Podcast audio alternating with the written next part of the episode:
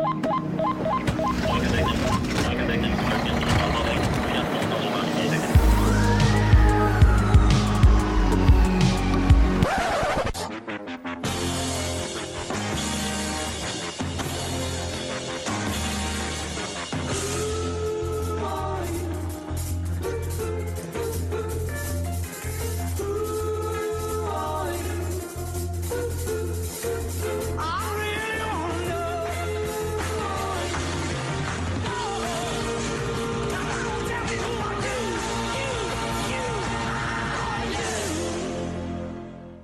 Hei og velkommen til en ny episode av Brannkast. Mitt navn er Horatio Kane.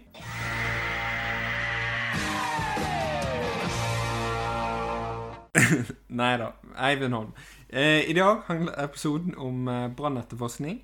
Og i dag har jeg fått med meg Lars Kvissel fra mitt Hedmark eh, brann- og redningsvesen IKS. Og politiførstebetjent Lars Nybo, avsnitt for kriminalteknikk, Innlandet politidistrikt. Velkommen skal dere være, Lars og Lars. Takk for det. Takk for det. Ja, eh, vi var jo så heldige at vi ble kontaktet av Quizzel, Kvissel, som ønsket å lage en episode om eh, brannetterforskning. Noe som er helt nytt for min del. Og da tar jeg selvfølgelig utfordringen på strak arm og kjører på. Dette er noe som vi ønsker at flere gjør, og oppfordrer flere til å ta kontakt hvis de ønsker å være med på podkasten og ha noe de ønsker å snakke om. da. Dette er jo en dobbeltepisode som er delt opp i først brannfysikk, og så deretter brannetterforskning. Så da starter vi den første delen, brannfysikk. Eh, men aller først, hvem er dere, og hva er deres erfaring med eh, brannetterforskning? Ja, da begynner jeg Kvissel her. Um, jeg er jo utdanna bilmekaniker i bånn. Um, begynte som det i første omgang, og hadde jo tenkt en karriere som uh, innenfor bil, for jeg jo oppvokst, er jo oppvokst med det. Jeg uh, tok fagbrev som bilmekaniker, uh, men skjønte fort at jeg hadde lyst til å egentlig begynne med noe innenfor brann. Um, så begynte jeg da i brannvesenet i 2006. Eh, var eh, deltidsmannskap helt i starten, eh, fram til 2007. Begynte da som brannkonstabel. Da vært, var da brannkonstabel fram til 2014. Og med noe omorganisering i brannvesenet da, så starta jeg på forebyggende avdeling. Men samtidig deltidsansatt da, på beredskap med hjemmevakt hver fjerde uke. Eh, ville ha det benet fortsatt i beredskap. For jeg syns det eh, er veldig viktig å, å, samhandle de to avdelingene.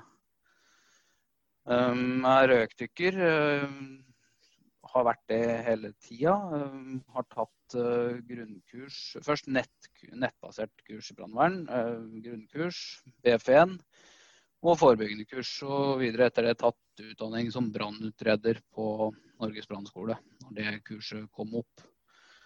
Um, har sånn gjennomsnitt uh, 20-30 branner i året um, som brannetterforsker.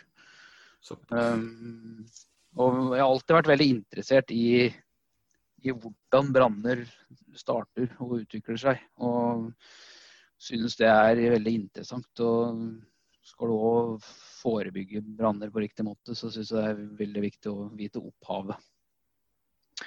Og har jo òg i noen tilfeller vært såpass heldig da jeg har hatt vakt, da, hjemmevakt, at uh, jeg har deltatt i en skarp røykdykkerinnsats og vært uh, en av de første på stedet.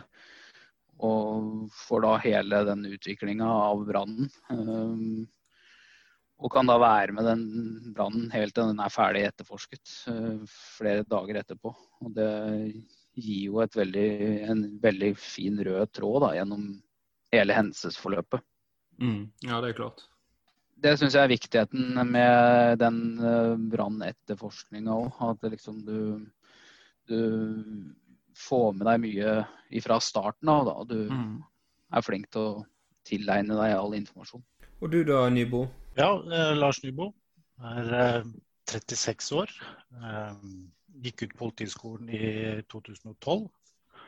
Jeg var litt innom Trandum, utlendingsenheten der, og så fikk jeg jobb på et lensmannskontor. Eh, så jobba jeg der fram til 2014, og da fikk jeg jobb på kriminalteknisk avsnitt. Eh, og har siden da tatt flere videreutdanninger innenfor kriminalteknikk og har jobba som det på heltid, da. Eller fullt som kriminaltekniker. Ja, dette må vel være en av de første positive gangene jeg eh, snakker med politiet. men veldig bra.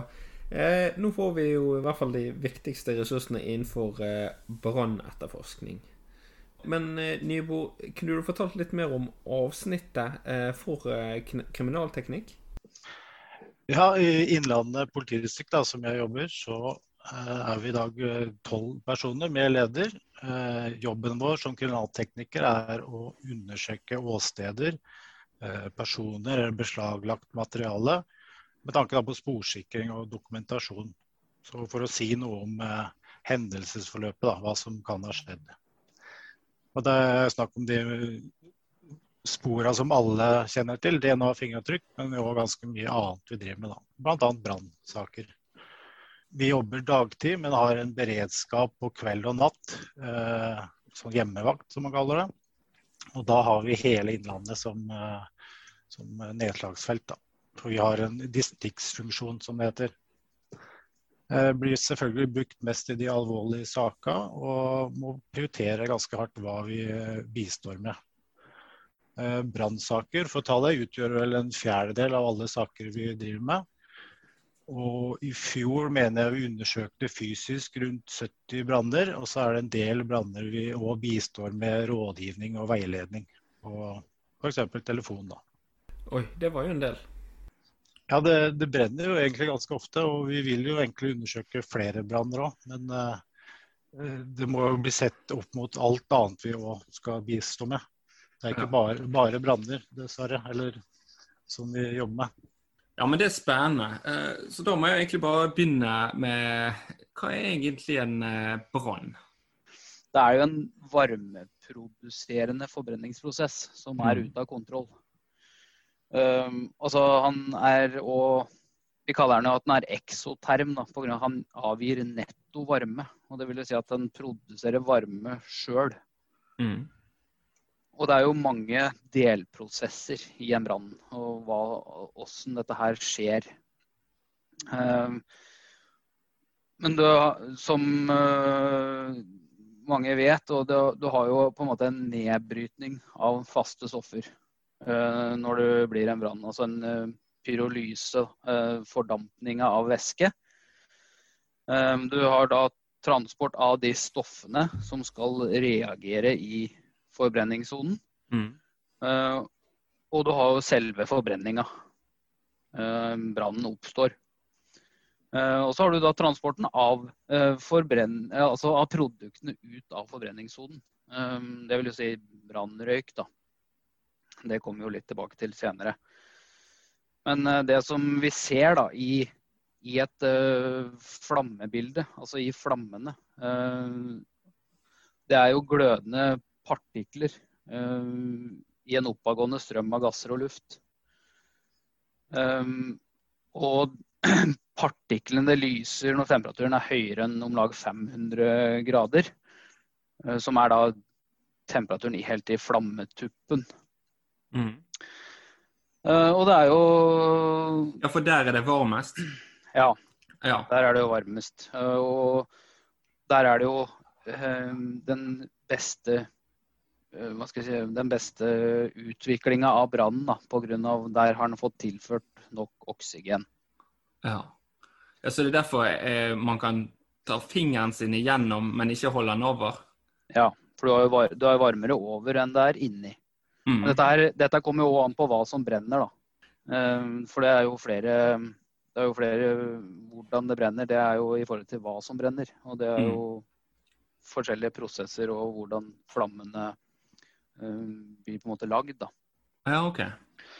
Men det er jo som regel snakk om oksygen i lufta som reagerer med varmen. Uh, men han trenger jo allikevel varme for å komme i gang da, og vedlikeholdes. Um, og de fleste kjenner jo til grunnlaget fra den kjente branntrekanten. Mm. Uh, temperatur, luft og brensel, eller materiale. Ja. Um, Bruker vi fortsatt eh, branntrekanten, eller er vi på firkanten? Jo, si det. Eh, vi, i hvert fall i undervisningssammenheng i forhold til sjette klasse og barnehager, og da tar vi jo den enkle veien håper jeg, og bruker branntrekanten. Ja, okay. Det er jo lettest å få inn i tidlig alder der.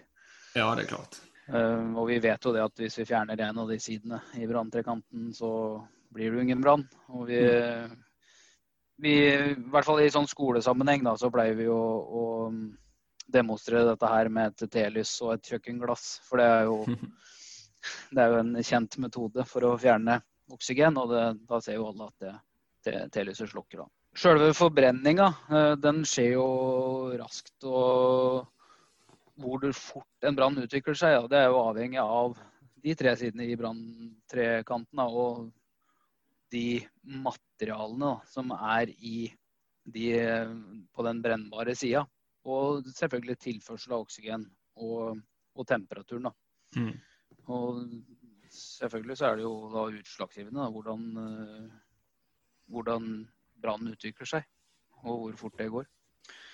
Uh, men for å dra det litt uh, mot brannetterforskning, da, så, så, deler vi jo inn branner i ulike ty typer. og vi, vi, skiller gjerne mellom brenselstyrte og ventilasjonsstyrte flammebranner da, i bygninger, eller altså i hus. da. For det sier jo veldig mye om brannforløp og hvordan brannen har utvikla seg. Og hva har gjort at brannen har blitt slik og slik. Um, når brannen er brenselstyrt, så er det jo brensel, eller altså materialet, som bestemmer uh, hvor uh, raskt det brenner, og hvor høy varmeutgivelsen uh, er. Og det vil jo si at da har den jo Eh, den tilgangen han vil på oksygen hele tida. Eh, det blir jo som du tenner på et eh, bål ute i skogen. Men når luft og oksygen er i underskudd, da, så er det lufttilstrømningen da, som styrer prosessen. Og da blir jo brannen ventilasjonsstyrt. Da. da er det jo mengden oksygen eller luft inn i, inn i brannen som styrer utviklinga. Da har den jo nok tilgang på brensla eller materialet. Så da er det kun, kun lufta som styrer det. Um, men i, i, vanlige bygninger eller hus da, så blir en brann fort ventilasjonsstyrt. Um, I starten så er den jo brenselstyrt. For det vil jo, hvis det tar, tar det fyr da, i et hjørne eller en sofa på stua, så vil jo brannen hele tida bruke opp den oksygen som er i rommet eller i huset. Og Derfor er dette her òg viktig i etterforskningssammenheng. Da, at eh, Vi ser jo på dører som har stått oppe osv. Om det er flere rom inne i huset som har vært tilgjengelig med oksygen. Er det kun det soverommet som har vært lokt? Altså er det kun bare her det har brent? Så er det jo eh, i mange tilfeller eh, kun det rommet som har fått tilført oksygen. Da. Og, det, og materialegenskapene til brensel bestemmer jo hvor lett brannen oppstår og hvor raskt den utvikler seg. Men det spørs, dette her spørs jo hva det har starta å brenne i. Er det en sofa da, f.eks.? Eller et juletre mm. som har en uh, har en uh, lett uh, kan dra til seg mye luft, så, så, og brannen på en måte bruker opp den oksygenen, så blir, da går den jo over i, i et ventilasjonsstyrt innvendig brann. Og er da underskudd på oksygen da, og en uh, begrensende faktor for utviklinga. Ja, da dør han, da? Da vil han dø etter hvert, da. Uh, og da spørs det jo hvor langt brannen har kommet i hvor stort rommet er da, i forhold til den varmeutgivelsen som brannen har greid å lage. For ja. hvis, hvis eh, brannen har greid å lage den varmeutgivelsen i det rommet, da, så vinduet har sprekt eller knust, mm. så vil det jo si at da får den tilført masse oksygen. Så da det jo Da blir jo utviklinga mye raskere. Men, ja, for da kan du få en sånn eh, branngasseksplosjon, og du kan få eh, backdraft og sånn som det der? Ja, ja, det kommer vi litt tilbake til etterpå. Men eh, det, det, viktige her er jo eh, hva skal jeg si, eh, når, når, rommet har uh, fått utvikla seg, og, og, er, det, er vindua bra nok? da? Altså mm. Etter TEK 10, etter TEK 17 så var, har vindua blitt bedre og bedre. Trelags glass bl.a. tåler mye varme da, i forhold til et ettlagsglass. Uh, som uh, ja, Det har faktisk vært borti på øvelse der vi har tent på i et rom i et dieselkar inne på et soverom med gamle enlags varevinduer. Og de har sprekt 30 sekunder etter å ha gått ut av rommet etter å ha tent på. Og såpass. Så det er klart at det, det, er, det er, mye å si oppbygning av huset òg. Ja, det er klart.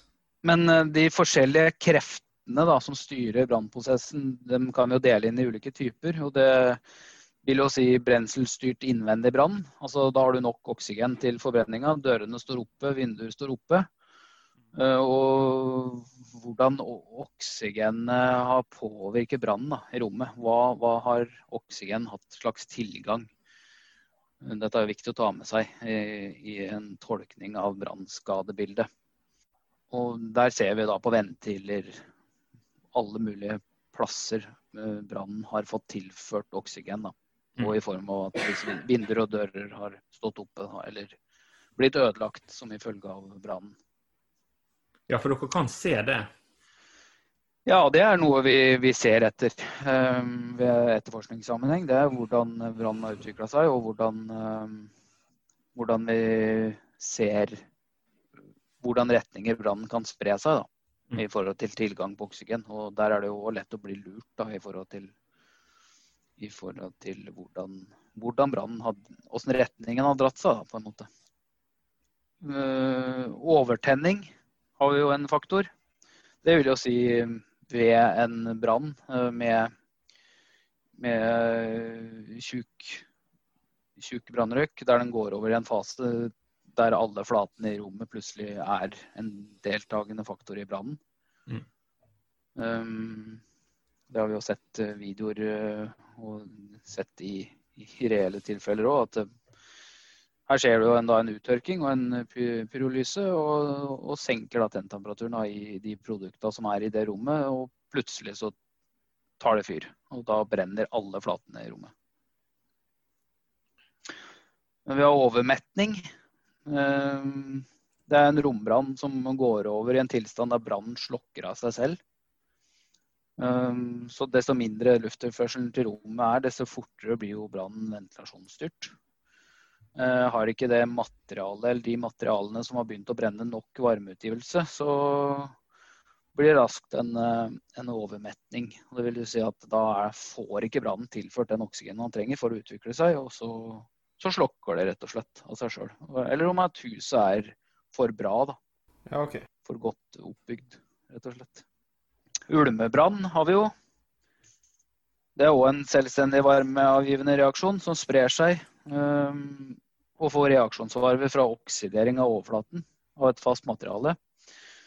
Um, jeg syns at kanskje det begrepet blir brukt uh, mer enn det det faktisk er. For en ulmebrann ser nok kanskje mange for seg at det er på en måte ulmende, ulmende treverk. Ja. ja. det er litt sånn misvisende. For ja, det ligger litt i det at det med ordet ulme, det er jo eh, Ja. Det, ja og så skal ikke det være Så er ikke han synlig heller. Det er fort å feiltolke det. Ja, for uh, en ulmebrann den avgir verken lys uh, i form av flamme eller gløding. Men det kan jo oppstå i meget porøse trematerialer. da. Uh, spon f.eks råtne trematerialer uh, lager jo røyk. Og, og ved, ved, tilførsel da, um, av oksygen så kan det jo utvikle seg til en, en brann, eller en flammebrann. Og papir da, blant annet, kan jo ulme. På en annen måte da, enn trematerialer. Uh, hvis den får en viss mengde oksygen tilført. Da.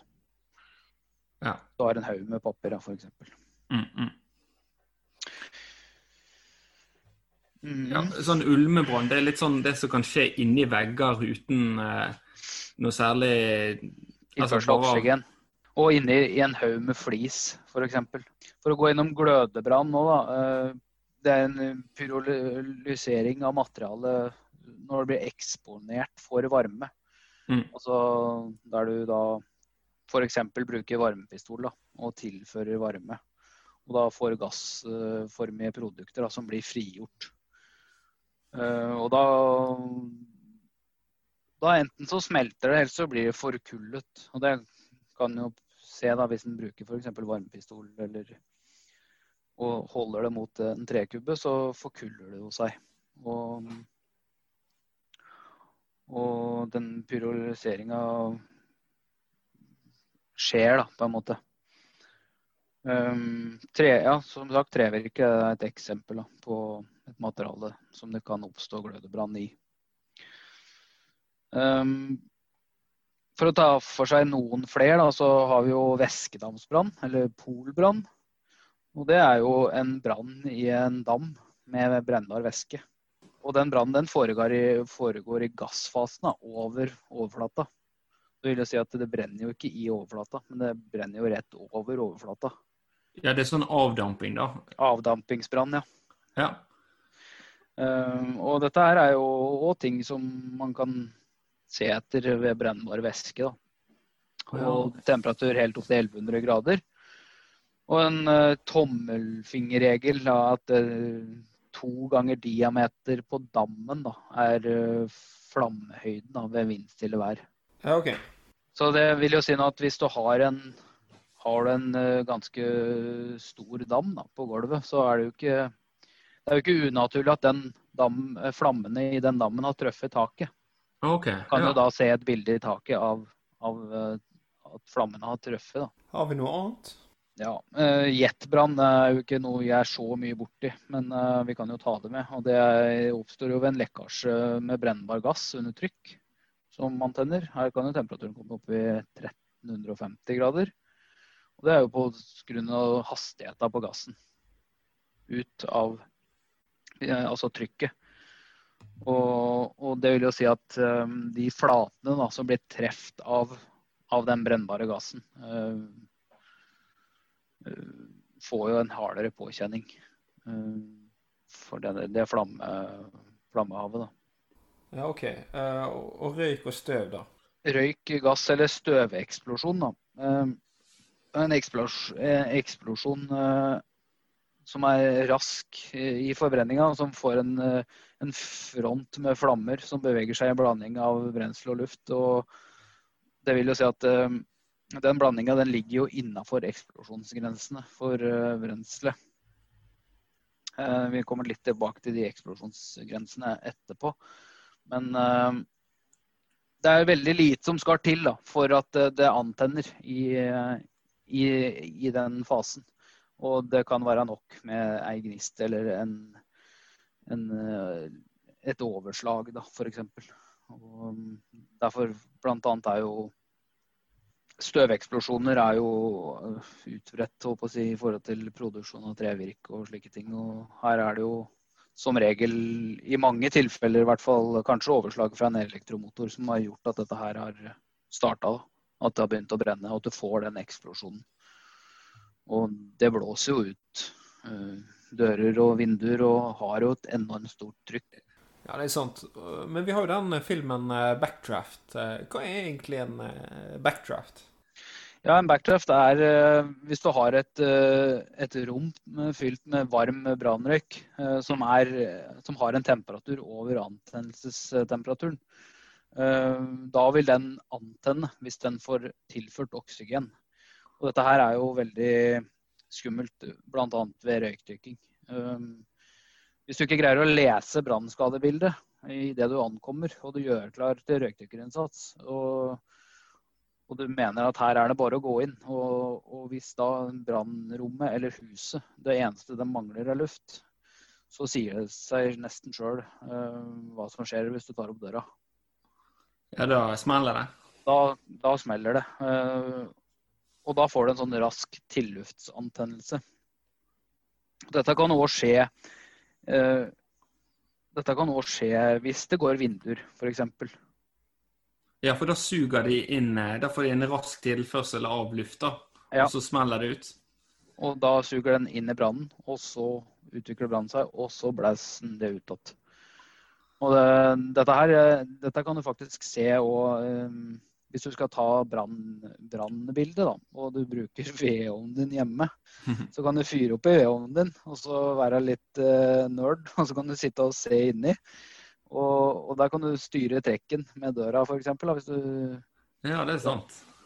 og så kan du prøve å, å se hvor, hvor han trenger luft. Og i noen tilfeller der så ser du det hvis du tilfører oksygen, så får du en sånn liten poff da, i, i vedovnen. Men eh, hva er det en eh, brann eh, er dannet av, da? Nei, en eh, brann er jo da dannet av eh, luft, oksygen og brensel. Eh, som utvikler varme. Netto varme er eksoterm. Eh, den òg utvikler eh, forbrenningsprodukter, brannrøyk. Og det inneholder jo giftige stoffer. Hva er giftige stoffer, da? Eh, karbondioksid, CO2. Eh, karbonmonoksid, CO. Eh, vann, sot, tjære, aske. Forskjellige syregasser og nitrøse gasser. Og uforbente gasser, da, som f.eks. hydrokarboner. Vi har jo lært mye om eh, brannrøyk, og vi vet jo hvor giftige og farlige de gassene er. Um, vi har jo, har jo blitt lært det tidlig at to innpust, så går du ikke mer. Mm. Og det er, eh, det er jo viktig å ta med seg. Dette her er jo farlige gasser. Eh, Blåsyre en, nitrøse gasser, eh, karbonmonoksid som jeg prata på, og saltsyre hos i. Ja, så det er ikke sånn at sånn som det er på TV, at du kan, du, når du ser røykdykkerne, de kan bare gå inn i røyken uten å gjøre noe som helst? Uten å trenge noe som helst luft, da? Nei, eh, gå inn i et hus med svart brannrøyk uten pusteluft, det, det går ikke. Da, da omkommer du, du besvimer først. Og så Det som eh, er greit å, å tenke på, det er at når du puster inn eh, brannrøyk, så lukker, lukker den mekanismen i lungen seg og tar ikke opp oksygen. Og, og til slutt så klapper lungene sammen, og så blir det pustende bare i halsen. Og du, du føler at du ikke får puste. Så du kan ha vært inne i brannrøyk, og du kan komme deg ut igjen. Og du kan komme i frisk luft, men du greier allikevel ikke å puste. Du blir blå på leppene. Og du puster kun i, i hals-svelg, da, for at eh, lungene har lukka seg, og de fungerer ikke som optimalt. Du får en kvelingsfølelse, da. Oh, ja. Er ikke det litt teit å se på TV og se at hvordan de kan holde på der? jo, det, det er sant. Så hvordan starter en brann, da? Ja, eh, branner eh, starter jo av mange forskjellige årsaker. Da. Men i alle tilfellene så, så vil det jo være Du må ha branntrekanten, og du vil jo være avhengig av at det tilføres varme i et materiale. Da. Eller at eh, materialet blir oppvarmet før det kon kommer i kontakt med luft og, og antenner. Um, men eh, nødvendig tilført varme er i mange tilfeller svært liten. For f.eks. trehjul, da, som eh, har en, har en veldig stor overflate, har veldig mye luft inni seg, eh, og har en lit, veldig liten evne til å lede varmen. Og trehjul kan f.eks. antennes ved, ved bruk av vinkelsliper eller gnist. Og da sier det seg selv at den antenner jo, det antenner jo mye lettere enn f.eks. en massiv trekubbe da, eller en vegg eller, eller andre produkter da, som trenger mer tilført varme.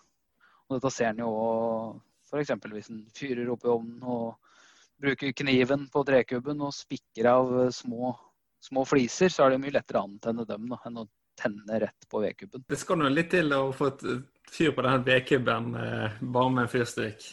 Ja.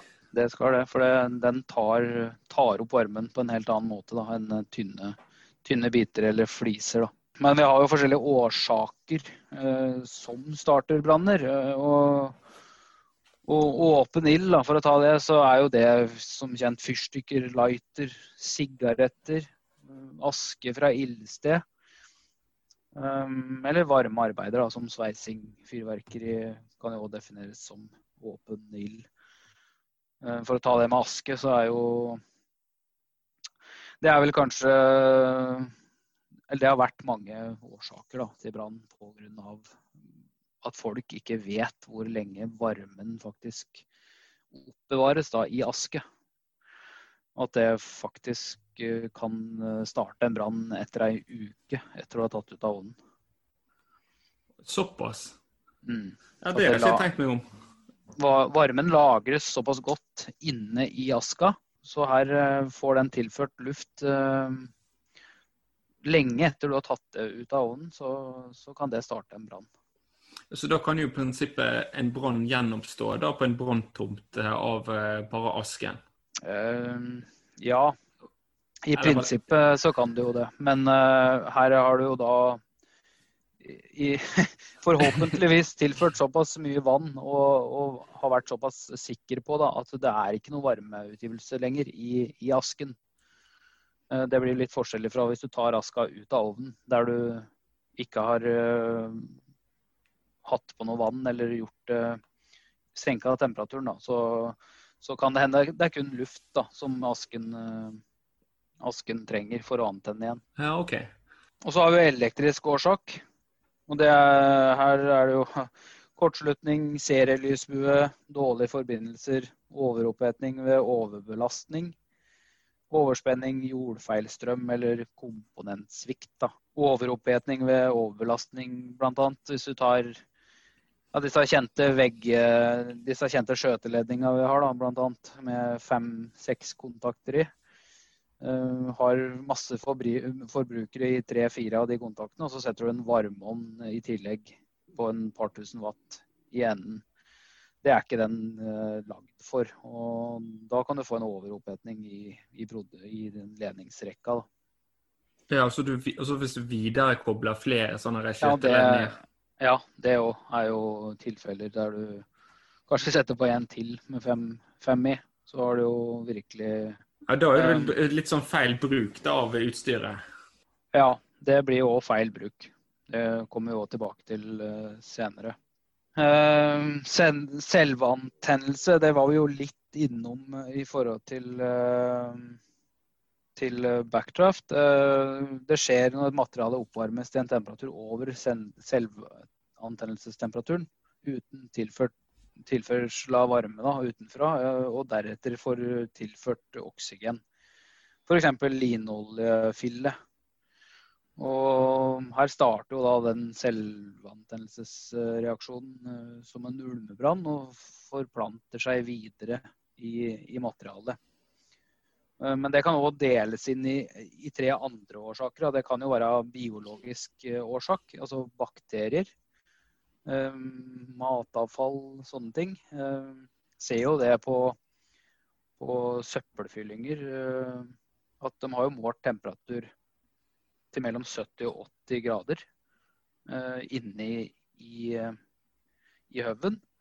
Som da kan sette i gang en kjemisk prosess da, der der materialet slutter kan sjølantenne. Mm. Også fysisk årsak som pyrofort trevirke. Det er jo en kjent årsak. Uh, tre da, som blir eksponert for varme over lang tid, da, og som blir tørt og sprøtt og porøst og oksygenrikt. Og dermed blir veldig lett uh, lettantennelig. Her er det jo mange tilfeller der f.eks. Uh, treverk i etasjeskille rundt pipe Um, har fyrt og fyrt i mange år. Og, og tenntemperaturen i det treverket rundt pipa har sunket i, i, tida som har gått. Til slutt så er den tenntemperaturen så lav så at uh, fyrer du da hardt en lørdag, så er det nok til at det antenner i etasjeskillet. Hvis det for, for, eksempel, for eksempel har vært en mildperiode da, der du kosefyrer, da, for å si det sånn, og bare legger innpå litt etter hvert. Og så blir det en kaldperiode, og du har 20 minus, og du har måker mett ovn i ved og sprengfyrer med trekken oppe, da kan hende den tenntemperaturen i det treverket er såpass lav så at det sjølantenner, rett og slett. Da. Og du får en, en brann. Er det typisk eh, ting som skjer nå eh, om vinteren? Ja, det vil jeg si. At eh, det skjer ofte om vinteren. Og det kan òg skje faktisk hvis eh, enkelte har bytta ut ovnen sin. Hatt en gammel Jøtul 303 i alle år, og så kjøper vi, kjøper vi en sånn stor Jøtul uh, som vi får plass til en hel vedsekk inni. Og så mm. utvikler den så mye varme så det, det, rett og slett tar fyr i etasjeskillet. Man må fyre med måte? Må fyre med måte. Viktig. Hvordan utvikler denne brannen seg, da? Den uh, utvikler jo seg i forhold til hva som er brennbart da, i, i arnestedsområdet. Altså hva den har av tilgang på brennbar eh, energi. Uh, og som vi har vært inne på tidligere, så er jo utviklingen av en brann avhengig av flere faktorer. Der ventilasjon og tilgang på luft er en av de viktigste. Og at brannen da er avhengig av, å, øh, av nok luft da, for å utvikle seg og øke i, om, i omfang. Og så er det selvfølgelig størrelsen på rommet. Da. Dette, som nevnt um, hva, hva, er det å brenne i? Hvor mye tilgang er det på oksygen? Um, og hvordan kan dette her utvikle seg? Og hvordan er huset oppbygd, rett og slett? Og, og, og dette her kan vi jo dra videre inn på, på andre ting enn uh, en hus òg. Men uh, det er jo det er størrelsen uh, på rommet og, og og luft og brensel, rett og slett, som gjør, uh, gjør en brann, og hvordan den utvikler seg. Men uh, i forhold til det med eksplosjonsgrenser, da. Uh, det betyr jo at altså Betegnelsen eksplosjonsgrense betyr at man ikke får antett en blanding av brennbar gass og luft hvis gasskonsentrasjonen av den brannrøyken ligger utenfor Eh, en øvre grense, altså at den er for fet, eh, eller den nedre grensa, eh, at den er for mager. Og området mellom øvre og nedre grense det kalles jo da for brennbarhetsområdet. Og I midten her så har vi optimal blanding, da, og der trives brannen best. Da, og der utvikles den raskest. Da, for er, da har den alt den trenger for å for å brenne. Og tilbake til vedovnen, så, så, ser man jo det. Hvis du har godt med ved i ovnen og du setter døra på gløtt, så, så brenner det mye bedre enn I hvert fall i forhold til nyere ovner i dag, da, som er kanskje litt uh, underventilert og, og, skal ut i mest mulig varme. da ser man det at det brenner bedre hvis du har døra på gløtt enn at hvis du har døra igjen og trekker den oppe på fullt. da. Men i, i etterforskningssammenheng da, så, så, bruker vi en tommelfingerregel på at en flammebrann uh, bruker sekunder på å spre seg oppover, minutter til å spre seg til siden og timer uh, på å spre seg nedover. Og det vil jo si at brannens laveste punkt er en viktig faktor da, i, i, forhold til vurdering av arnested. Og de uante påvirkninger som forstyrrer dette. Og vi vet jo at ulmebranner de sprer jo seg sakte. Det ligger jo litt i begrepet. Um, så da vi etterforsker branner, så, så, er det, det er ting vi ser etter. og, og og bruker den huskeregelen på en måte. Hvordan brann kan ha spredd seg. Da er vi nødt til å runde av denne ene delen av dobbeltepisoden. Neste del om brannetterforskning er allerede publisert. God lytting.